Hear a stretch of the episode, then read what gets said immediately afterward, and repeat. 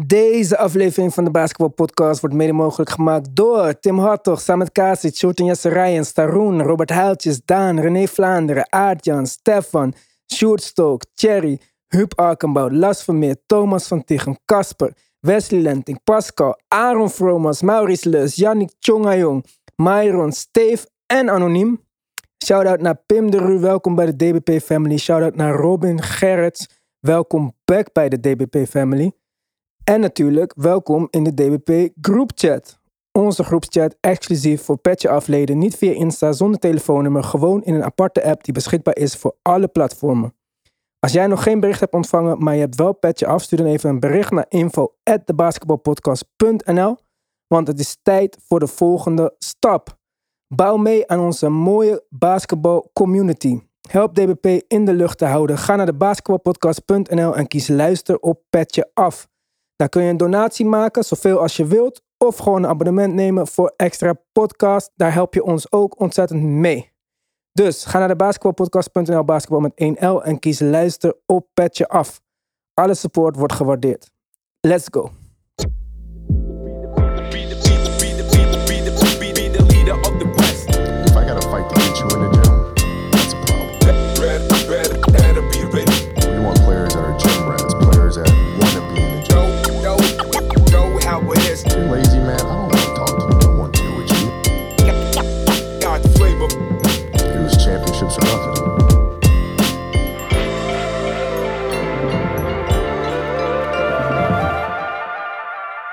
Je kunt denken dat het regular season niet zoveel zegt over de playoffs. Maar dan is het toch toevallig dat precies de eerste vier teams uit beide conferences door zijn gegaan naar de volgende ronde. De Heat, Celtics, Sixers en Bucks in het oosten en de Suns, Grizz, Warriors en Mavs in het westen. Dus misschien waren die 82 wedstrijden dit jaar toch niet helemaal voor niks. De Celtics beginnen op volle sterkte aan de tweede ronde. De Heat zijn niet hoopvol over Lowry. Bij de Bucks mist Middleton de hele serie. En bij de Sixers zullen we Embiid sowieso de eerste paar wedstrijden niet gaan zien. Hij heeft een orbitale fractuur opgelopen. Of simpeler gezegd, Pascal Siakam heeft zijn gezicht gebroken. Bij de Warriors is Iggy nog steeds geblesseerd. Grizzly center Steven Adams is in het health and safety protocol. Bij Dallas is Tim Hardaway er niet, die er al de hele playoffs niet bij is.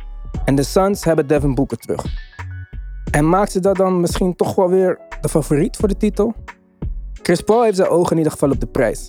CP3 was laser-focused, 14 uit 14. Geen één gemist schot, geen gemiste driepunten en geen gemiste vrije worpen.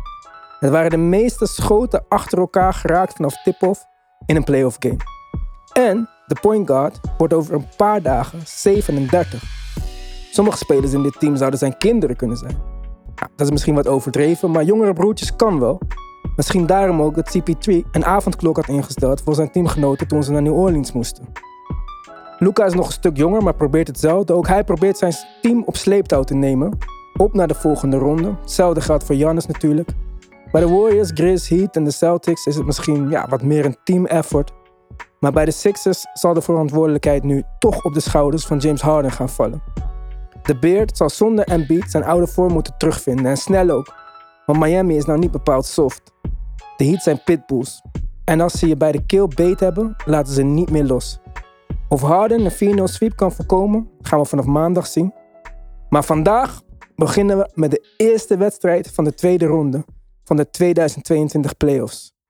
Jongens, we hebben hem net samen gekeken, samen met de DBP family, natuurlijk in de groupchat.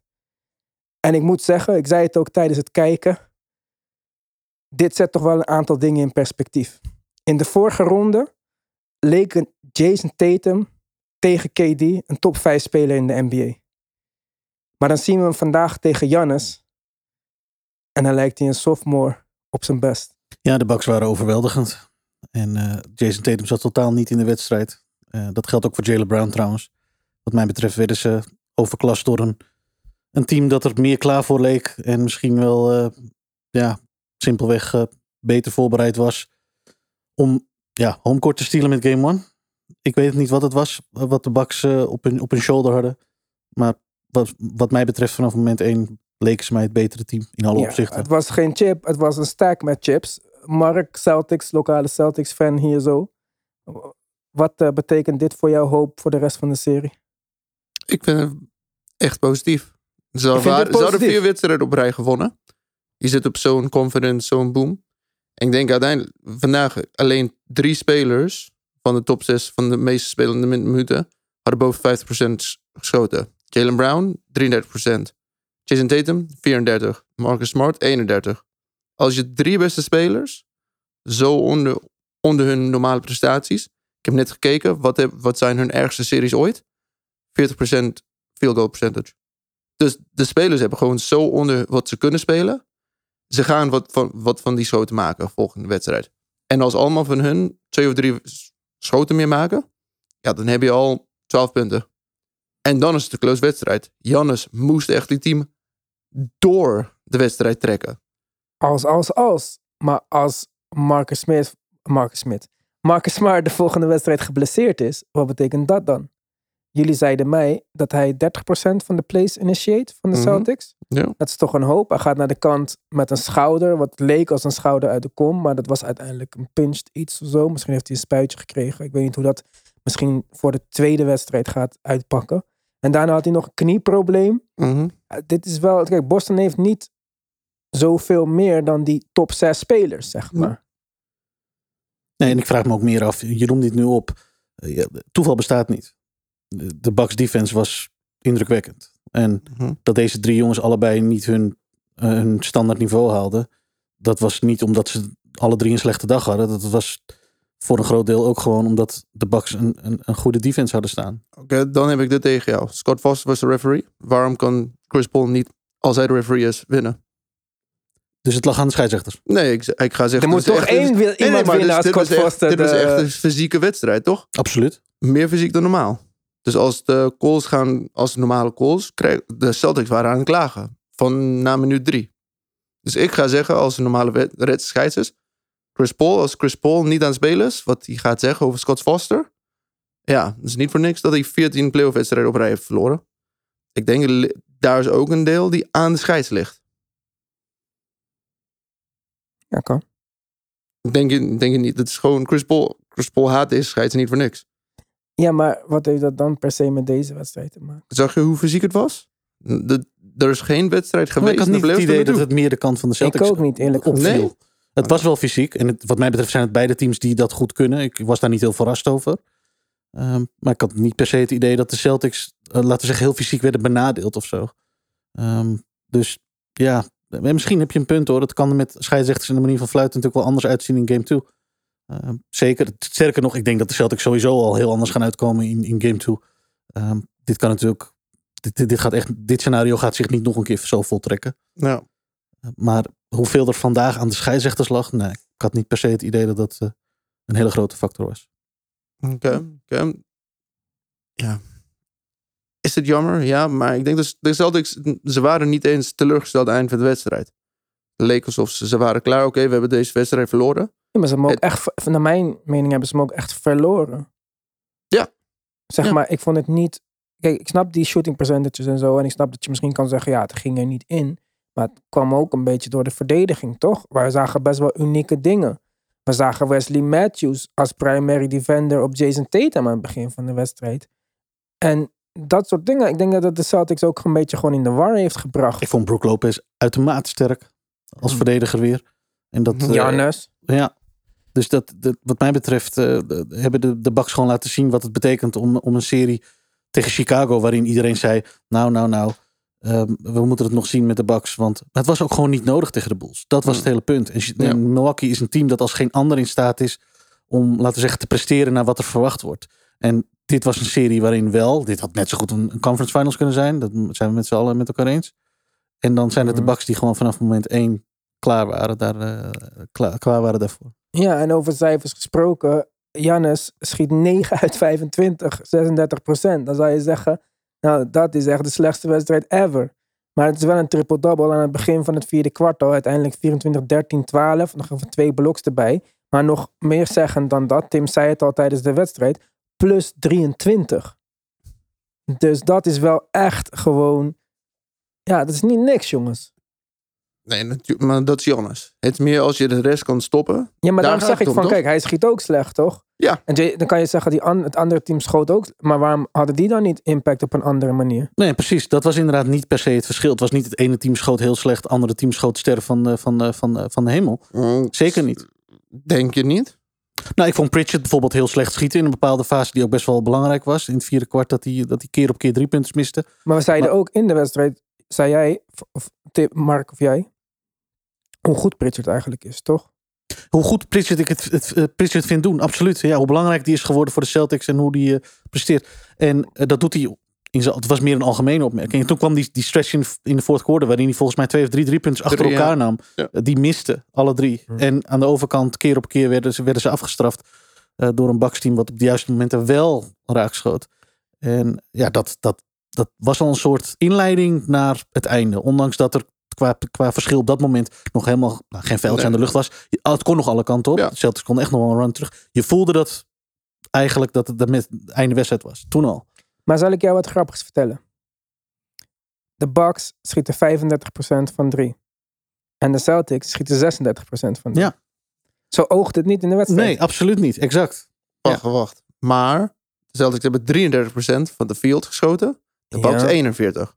Ja, maar dus de- ja, Ja, die maar stats de- kan luister. heel veel Ja, ja. verdikkende beeld geven. Oké, we moeten niet al te veel stats praten natuurlijk. Ja. Maar de Celtics schieten 50 driepunters tegen 36%. Milwaukee schiet er maar 34.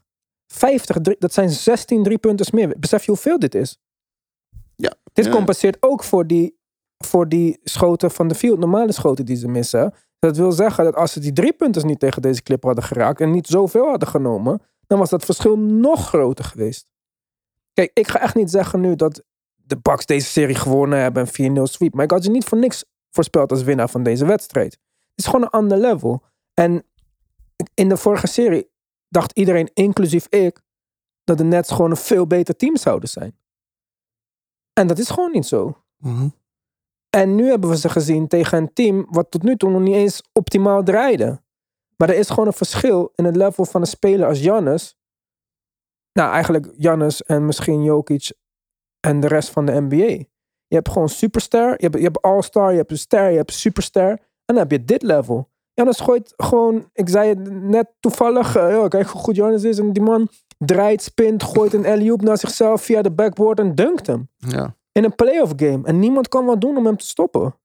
En, hij is, en dan schiet hij nog 30% deze wedstrijd. Ja, Maar- bepaalt geen hele sterke shooting game. Nee, Nee, dat was helemaal nee. niet indrukwekkend. En dit is wat, eh, wat voor mij altijd een fenomeen heeft gemaakt. Eigenlijk sinds we vorig jaar zagen waartoe hij echt in staat was. Dit is een man die zoveel controle heeft over zijn prestatie. Die zo goed in staat is om te presteren naar het moment. En niet elke wedstrijd hetzelfde te doen. Hij kan weinig minuten spelen, toch efficiënt zijn, maar niet indrukwekkend. Denk ik, nou ja, omdat het niet nodig is. En dit is game one, much anticipated series. En Jannes staat er. Niet eens op een moment, niet eens op een manier waarin hij een heel hoog percentage schiet. Maar gewoon als playmaker. ehm, eh, de, de leider is van een baksteam dat gewoon inderdaad ja, Ja, een soort van overwhelming was. en we hebben hem gezien vorig jaar, toen het erom ging. was 50 punten, 14 uit 14 van de lijn of zo. Onderschat hem niet. Hè? En ik weet dat Milton geblesseerd is en dat is gewoon je tweede ster. Dat is je all-star. Letterlijk. Maar als je kijkt ook naar Jannis, gewoon. Kijk, Jannis is 27, Ja, ongeveer. 26, Ja. 27. Ik dacht 27, ja. Hij kon drie jaar geleden absoluut niet schieten. Hij heeft iets van een schot ontwikkeld. Maar deze wedstrijd, en misschien de laatste tijd in het algemeen, begint hij gewoon aan turnaround jumpers te werken. Deze man is 7 foot. Hè. Je kan een fadeaway al amper blokken. Maar fadeaway van een 7 footer kan je helemaal niet blokken. En Jason Tatum blokte twee keer KD. Maar Jason Tatum heeft geen kans om Giannis te blokken. Als hij dit toevoegt aan zijn game. Ik, ik, kan het eigenlijk niet eens beseffen. Ik zei net, deze man steekt eigenlijk met kop en schouders boven de rest uit. Misschien kan je Jokic op zijn level zetten op dit moment. Eh, je kon LeBron daarbij doen toen hij nog LeBron echt was, zeg maar. Maar als Jannes nog 40% beter gaat worden, wat het ongeveer zou worden als hij gaat schieten of zo. Dan Ja. praten we misschien over, en nu wil ik kijken, is één wedstrijd en hij heeft maar één titel gewonnen en hij is MVP. Dan praten we misschien, we hebben hem nooit in die categorie genoemd, over de beste speler aller tijden. Zeldzaam dominant, absoluut. Dit is Will Chamberlain dominant dan. En hij is nog maar 27.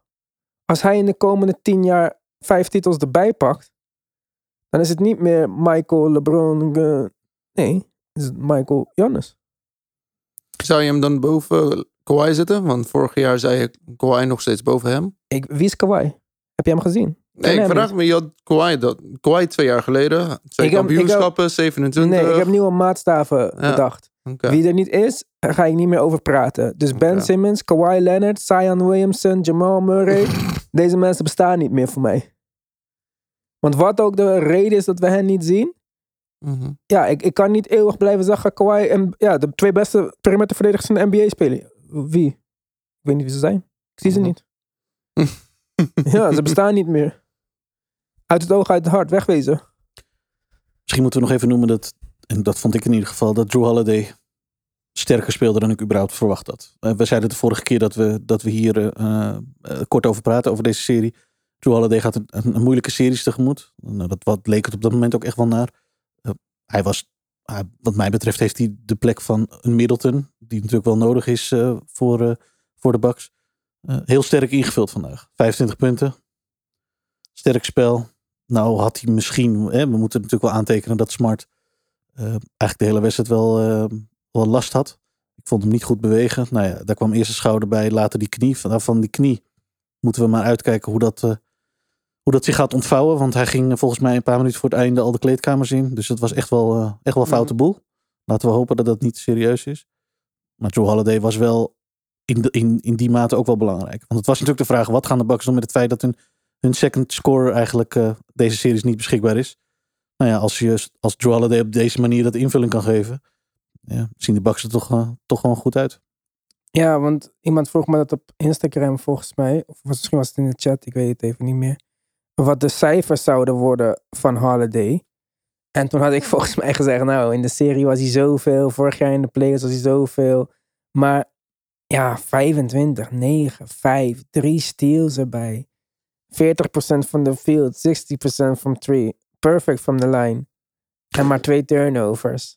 Ja, we moeten aantekenen dat hij niet altijd even constant is. Ook vorig jaar de playoffs herinner ik me dat hij dat niet Ja. was in de serie. Dus we moeten zien hoe dat in, in game 2 gaat zijn. Maar als je op deze manier game 1 kan pakken in Boston, dat heeft wel een extra waarde wat mij betreft. Ja, want jij zei het ook tijdens dat we aan het kijken waren. Home court advantage is alweer terug. Ja.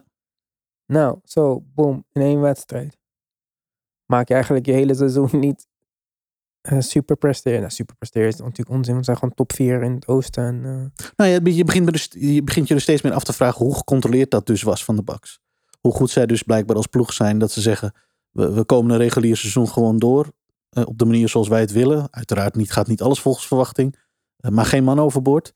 En als je dan ziet hoe ze er op belangrijke momenten zoals nu kunnen staan. Niet alleen Jannes, maar ook als ploeg. Dan, eh, ja, dan vind ik dat uitermate indrukwekkend. ik ook. En ja, wat ik je zei. Kijk, één wedstrijd hè. En ik vind het ook leuk. We doen nu een instant podcast op deze wedstrijd. Dat was ook zo gepland. Maar dan maak je soms in het moment andere opmerkingen en zo. Maar dat, dat ja, ik weet niet. Ik vind dat persoonlijk niet zo erg. Want ik vind het ook leuk om het gewoon te beleven.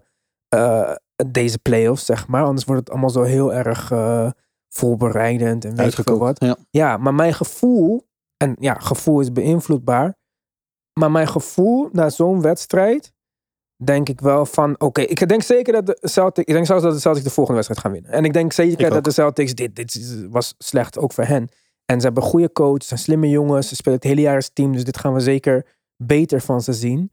Maar mijn gevoel is dan toch dat de Bucks, ja, het is toch een championship level wat gewoon net, champ- championship pedigree, het is gewoon net ietsje hoger. En Jannis is abnormaal. Er is nog niemand, ik heb nog nooit een team gezien die een goed plan had tegen Jannis. Het heeft nog niet, nooit gewerkt. Nee, en de Misschien de enige speler. Ik, ik zou niet weten wie voor de rest. KD hebben we dus gezien, vorige serie. Tatum. Dat was al gewoon een antwoord. Ja. En dan wil ik niet zeggen dat KD op zijn best heeft gespeeld. Hè, want dat, dat kan Ja, niet. ja. Ook, we hebben KD ook wel eens tegen Celtics gezien dat het heel anders uitpakte. Maar bijna voor elke speler is op dit moment een plan. LeBron in zijn toptijd kon je misschien niet tegen plannen, plannen. Ja. Nee. Maar ja, eh, ik vind dit echt op dat level, man. Ik ben niet eens per se een Giannis fan. hè. Ik, en trouwens, ik heb geen één team meer in deze playoffs over. Waarvan ik zeg, die hebben bij mij een warmer gevoel dan de ander. Dus ik kijk echt als. Ja, ik kijk nu echt als een fan, zeg maar, naar deze wedstrijd. Naar, ja, objectief naar deze matchups. Maar ja, Ja, dit was, eh, hiermee maak je een statement. En, en rightfully zo. Ik denk inderdaad wel dat, eh, dat Boston hier sterker van gaat terugkomen. Ik zou me als Boston-fan nog niet direct eh, zorgen maken voor de series. Hoewel ehm, dit signaal wat Milwaukee nu heeft uitgegeven, wat mij betreft, een, een sterk signaal is. Sterker dan ik had gedacht. Eh, ik denk dat iedereen het wel over eens was dat dit een, een lange serie zou kunnen worden. Met twee ploegen die echt wel aan elkaar gewaagd zijn. Nou, dat hebben we enigszins gezien. Maar ja, ik vond de Bucks wel nog meer indruk wekken. Eh, ze waren bepaald niet de grootste favoriet onder de, laten we zeggen, de, de meeste volgers. Helemaal omdat Middleton natuurlijk oud was. Dat was wel een factor. mhm. Eh, ja, als je dan dit vandaag laat zien. Ja, eh, we gaan een lange serie tegemoet. Dat denk ik nog steeds wel. lang? Ik denk het wel. Wat zou je dan zeggen is lang? Zeven games. Zes of zeven is wat mij betreft lang. Ja? Vind ik wel, ja. En ik zou verbaasd zijn als dit, een, ja, als dit korter dan dat is. Nog steeds. Ik zeg vijf games. 4-1 Bucks. Ja. Oké. Heb ik dat ook in het set gezet of niet? Volgens mij wel. Weer in Bucks? Ik weet niet. Nee, ik denk dat ik 4-2 heb gezegd. Ja, 4-2 vind Ja, volgens mij had ik 4-2 gezet. Maar ik denk dat het 4-1 wordt. Wat denk jij, Celtics fan? Net zoals 2018. 4-3 voor Bro, jij komt altijd met die geschiedenisdingen. En dan denk ik van, hoe weet jij dit allemaal? Hetzelfde teams bijna, hè? Het Zijn was, bijna hetzelfde het was bijna hetzelfde team. Dus het, voor de, het is niet helemaal uit de lucht gegrepen. Dit is Ja. bijna... Nee, nee, maar het gaat niet om uit de lucht gegrepen. Maar deze man komt gewoon Ja. 2018. Twe- vriend, 2018. Vorige week. Ja, ik weet dat al niet meer. Ja, het wordt er altijd... Een beetje spijs aan het, hè? Throw een beetje spijs aan je voorspelling. Ja, oké. dus jij, maar jij denkt echt dat de Celtics dit gaan pakken? Ja, 4-3. Echt? Wil je wedden daarover? Eh, ja, 25 euro. Nee, Zo. eh, luister vriend, waarom moeten we gelijk zulke bedragen? Je weet dat de inkomen niet zo goed gaat. Dus eh, laten, we, laten we een beetje, laten we, eh, laten we een beetje leuk doen. Eten bestellen, eten bestellen. Oké, deal. Ja? Deal. Oké. Dat doen we toch om de beurt. Dus hoop ik dat het net mijn beurt uitpakt. Mocht ik verliezen. Oké, dan doen we dat. Maar ja, jongens. Ik, eh, ik zeg je eerlijk van wel een leuke wedstrijd. Ja. En ehm, ik, ik hoop gewoon dat het een spannende serie wordt. Maar ik hoop dat alles een spannende serie wordt. Wat ik zei. Ik heb echt geen paard meer. Of dog in de race. Wat is het spreekwoord? Ik weet niet. Maar ik wil gewoon dat het allemaal leuke series worden. Voor mij mag het allemaal zeven wedstrijden worden. Het zou goed zijn. Absoluut. Ja. En helemaal nu, omdat we gewoon toch wel een paar van die hele grote namen missen, zeg maar. Is het gewoon belangrijk, denk ik, dat het basketbal mooi is. Dit zijn twee ja, aantrekkingspunten van de NBA. Grote namen en kwaliteit van het spel. Nou, die grote namen missen nu een beetje. Er zijn wel grote namen bij de jonge grote namen zijn. Maar ja, Tatum is toch niet hetzelfde als eh, LeBron of. Kawhi of... eh, Durant, et cetera. ja. Ja. Tijd voor de ja. Dus eh, ja, ik ben wel benieuwd. Ik was wel een beetje teleurgesteld in Tatum deze wedstrijd. Zeker. Zeker. Maar hij zag gewoon uit of het vanaf het begin. Zijn schot viel niet. Leek alsof er iets... Hij rende niet hard terug. Leek alsof net iets aan de hand was. Of niet helemaal comfortabel. Maar ik denk volgende wedstrijd zal hij een klap krijgen. Dat hij gewoon... eh, jij bent de leider. Je moet altijd eerst terug zijn. Bobby Porter zag je gewoon van de ene kant naar de andere. Elke keer. Maakt hij dat wat? Hij is het eerst aan de ene kant, eerst aan de andere. Ik denk eh Hassel zal ook een belangrijk eh, deel zijn van de teamtalk vanavond. Ja, maar dat zou juist iets moeten zijn wat ze niet meer hoeven te bespreken, toch? Ja, zouden ze misschien iets te confident uit die serie met Brooklyn zijn gekomen? Ze werden natuurlijk de hemel ingeprezen, Ja, dit team. En hij werd Ja. eh, meteen gebombardeerd tot de beste two-way-speler in de Zelfs NBA. door mij, ja. Ik dacht zelfs van, oh ja, ik ook. shit. Ja. Ja. Nou, Tatum is misschien echt daar dan. Ik Ja. dacht het echt, hè, oprecht. ja, en de vraag is dus in hoeverre wij nu aan het overreacten zijn op een, op een Op game een one. één game, ja. Ja, want ehm, ja, ik vind de Celtics, ik heb ze in ieder geval wel te boek staan als ook een team wat, eh, wat wel resilient is. Dus daarom, ik denk dat we hier met z'n drie ook wel verwachten dat ze game 2 gaan pakken. Ehm, ja, hoe gaan we daar dan op reageren? Eh, als Tatum straks wel weer het licht uitschiet en, eh, en de leider wordt. Want ze gaan nu wel naar hem kijken. Hij is de number one option daar. Ja. En hij is inderdaad vanaf moment één was het moeizaam deze wedstrijd. Dus Ja. het is echt niet zo dat het een stretch was. Eh, ik vond Jalen Brown ook weer niet meevallen. En dat is niet de eerste keer. Nee. Ja, maar Jalen Brown is degene die het meest moeite heeft sinds deze switch van om de beurt aanvallen naar teambasketbal. We hebben gezien aan het begin van het seizoen en vorig jaar dat Jalen Brown gewoon ja, best wel een goede ISO-speler geworden is. Maar we hebben ook genoeg voorbeelden gezien bij, bij hunzelf en ook bij Dame en CJ dat het om aanvallen van twee perimeterspelers gewoon niet gaat werken uiteindelijk. Zijn geswitcht naar dit teamconcept en daarin ook heeft hij het goed gedaan. Hè? En Jalen Brown is altijd een goede individuele verdediger geweest. Misschien niet zo'n supergoeie teamverdediger, maar ook daarin heeft hij wel stappen gemaakt, vind ik. Maar ik zie gewoon dat het bij hem moeilijk is om, het, om de knop om te zetten als ze hem nodig hebben, zeg maar. Om dan wel te switchen naar van oké, I'm gonna get a bucket. En als ze dat niet, als dat niet in de flow van of ja, is lastig. Kijk, dit zijn eigenlijk de, de cijfers die passen bij zijn salaris. Alleen het is soms dat hij dingen laat zien waardoor je denkt dat er meer in zit. En dat is ook waarom mensen vorig jaar of aan het begin van dit jaar zeiden van ja, misschien moet je één van die twee treden. En ze hebben nu een manier gevonden zodat het beter werkt. Maar dat was wel ergens op gebaseerd natuurlijk. Ja. Maar ik vind nog steeds, ik, ik, ik vond ook dat, ze, dat je er misschien eentje van de twee kon treden. Niet per se dat het hoeft voor mij zoals bij Damon CJ. Maar ik vind dat niet aan de hand van wat we nu hebben gezien gelijk noodzakelijk of zo, zeg maar. Ik denk niet dat Nee. dit, dit zegt niet genoeg. Het is gewoon een wat mindere game van Jalen Brown. Mhm. En Jalen Brown is wat, 26 of zo? Ja, ongeveer. Dus eh, ja. Om En even ding, te welkom- corrigeren voordat Ja, mensen nee, gaan nee, zeggen, Ivan zei wat, we moeten een van die twee treden. Want dat is Ja, wat ik wel bedoel. compliment aan de Bucks. Ze forceerden hem om te dribbelen, Jalen Brown. Ja. En ja, dat is zijn zwakke punt, zijn handle. nou, maar dus dat, dat- is ook wel improved hoor. Improved, maar dat is zwakke punt. Hij had vijf turnovers. Door, toen hij gewoon, als je naar de, dan heb je Javon Carter, de Portis, Brook Lopez. Ja, met een mindere handle is het klaar. Vijf turnovers. Het maakt echt verschil. Daarom Ja. heeft eh, Drew zes, eh twee Ja, ja, oké, maar dat is wel tegen Drew ook, hè? Ja, precies. Maar eh, ja, als je driving tegen Drew, dan... eh, Ja, ja, maar dit is het punt. Kijk, je moet ook begrijpen dat tegen de Nets, we kunnen het wel hebben over KD en of hoe goed Jason Tatum Mhm. op KD was en zo. Maar omgekeerd werd er ook weinig gedaan tegen de Celtics, hè? Dus mhm. dit is even andere koek. Dat zeker. Dat was duidelijk. Ja. En ook een andere koek, niet alleen qua verdedigend talent, maar ja, wat we zeiden. Je start Wesley Matthews op Jason Tatum. Ik zou ook in de war zijn van deze actie. Dus dit is ook gewoon meer een coach met een plan. En dan met alle respect voor Steve Nash, die het, ja, in de eerste fase voordat James Harden kon, vond ik dat ze een mooi concept van teambasketbal hadden neergezet.